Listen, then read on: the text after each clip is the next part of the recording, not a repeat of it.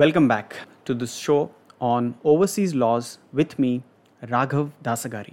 Before the break, we were talking about what is a power of attorney, different types of power of attorney, who can execute this, and when does one execute a power of attorney, and what are the steps that one needs to keep in mind while executing this document. Now, in this part of the segment of the show, I'll tell you the process that you need to undertake when you wish to seek attestation of the document before a consulate or an embassy. Applicants who are applying in person for a power of attorney must be present and cannot actually depute a representative at the consular counter and sign the POA at the counter. All applicants must ensure that their signature on POA matches with the signature on the current valid passport. In case signatures differ, applicants who come in person will be asked to re-sign the document and those who opt to apply by mail would be sent back the documents and be signed again as in the passport. A POA needs to be signed and witnessed by two individuals other than immediate family members with their full names and addresses clearly mentioned. If the applicants who come in person are not accompanied by witnesses, the applicants must get witnesses' signatures notarized before coming in person. Applicant is also required to affix one current photograph on the last page of the POA and submit a photocopy of the POA for retention by the embassy. In case of applicants of other nationalities, they may first get the POA apostilled by the US State Department or authorities. Only after that, embassy will attest the POA for such category of applicant. However, there is no need for POA to be apostilled for OCI cardholders. Such applicants may enclose a copy of the OCI while applying. Apostilling of document is done at the office of the Secretary of State where the applicant resides. POA of persons who are mentally incapacitated will not be accepted. Such cases will be entertained only if the applicant holds a notarized judicial order of guardianship of such person who is the main executor of the POA. Applicant's current valid passport in original and its photocopy those applicants who hold Indian passport may provide original and photocopies of the first five and last two pages. Original and photocopy of the document showing a valid US visa status. Other nationals may provide photocopy of the passport bio pages and pages with applicant's signature and ensure that they sign their passport at the same space provided for the same. Original and photocopy of the following documents as proof of resident is also required and they can be US driving license, utility bill, lease agreement, state identity card or mortgage deed. Carry all original supporting documents for presentation to the consular officer. Legible photocopies of these documents may be attached with the application. Now coming to the fees. A fees of $20 per POA and an additional fee of $2 per application towards Indian Community Welfare Fund. For a joint POA, each additional applicant will have to pay a fee of $20. The fee may be paid in cash or as two separate money orders, cashier's check drawn separately towards fee and ICWF in favor of Embassy of India, Washington DC. Processing time is usually the same day. However, if there are certain unforeseen technical reasons, services can be delayed. During this pandemic, all consular and embassies are not accepting physical applications and are only permitting application through mail.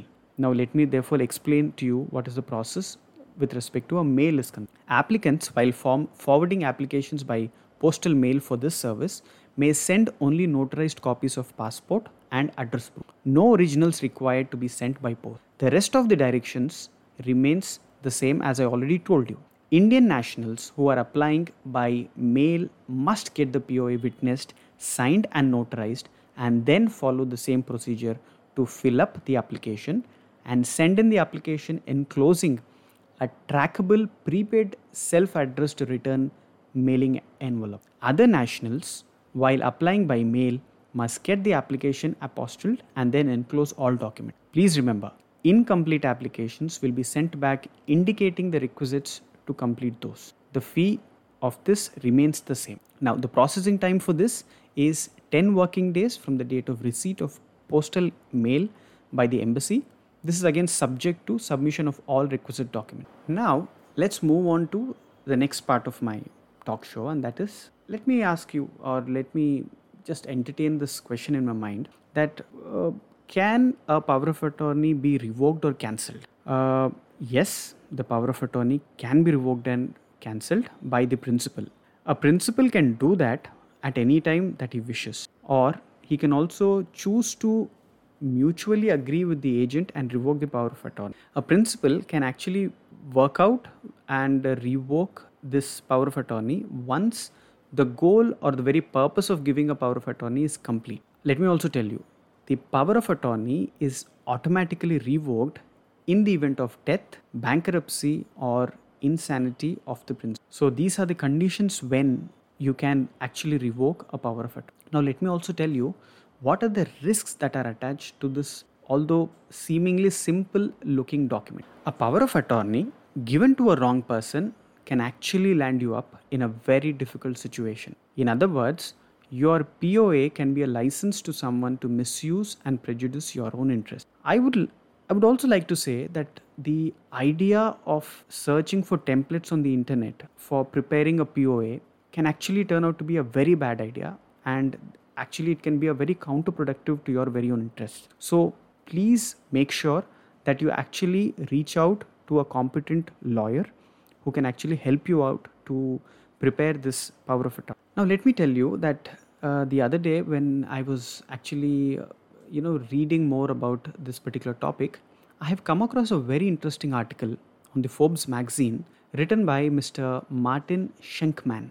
In his article titled, quote, Power of Attorney, an essential legal document you may have to prepare yourself, unquote. Uh, this author makes a very valid point. You know, he says in his own words, in the context of people who use sources from the internet to prepare a power of attorney, he says that be very cautious when reading information on the internet. If you search for a power of attorney, the quality of, quality of information you will find varies dramatically.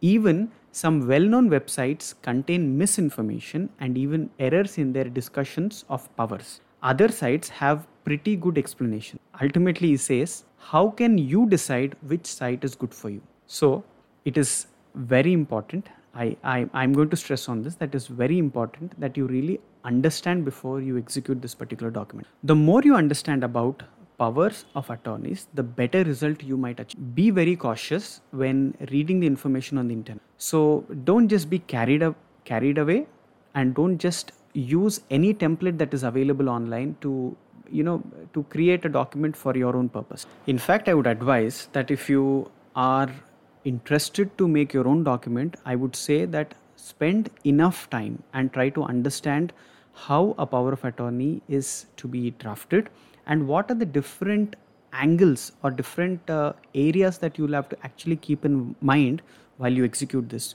You may uh, listen to experts speak. You may use youtube and other uh, sources to understand the subject and the implications of this very particular and important document. Please remember all the resources that you find on the internet which help you to make a power of attorney, which unassumingly looks as if it's very simple, actually don't tell you what are the pitfalls and what are the cautions that you'll have to take while you prepare this particular document all by yourself. So, having said that, I would like to say that uh, Uh, in fact, as a concluding remarks to my talk show today, that while granting a power of attorney, make sure you select the right person with undoubting integrity as your agent and ensure an agent is not given unconditional powers under the power of attorney. Restrict to use a specific power of attorney with specific terms and period to ensure that your interests are always in your hand. Register the POA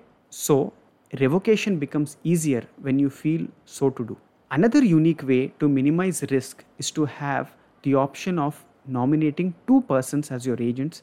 In this manner, you can have some confidence that even if one agent goes rogue, the other can at least take care of your interest. Then, finally, I would like to say that whenever you decide to cancel or revoke a power of attorney related to your property due to reasons that maybe you lost confidence on your agent or you smell some kind of a foul play being carried out, it is always advisable that you publish in a widely circulated newspaper a notice that you are a notice informing the public in general that the power of attorney executed by you in the past does not is cancelled by you with immediate effect and persons should not entertain any more transactions through the agent in respect to your properties you know this may not surely help you in all cases but out of my experience i'm telling you that it is proven to be an effective method in large number of cases. Thank you for joining me. This is raghav dasagiri on overseas laws only on radio nyra raleigh durham. Broadcast on three frequencies 99.9 fm hd4 101.9 fm and 1490 am if you have any questions or suggestions for some interesting topics that you may want me to you know choose and uh, throw more light upon please whatsapp me on 919 294 4800 i repeat the number 919 294 4800 catch me on sunday evenings only on radio nyra raleigh durham. Until next time stay safe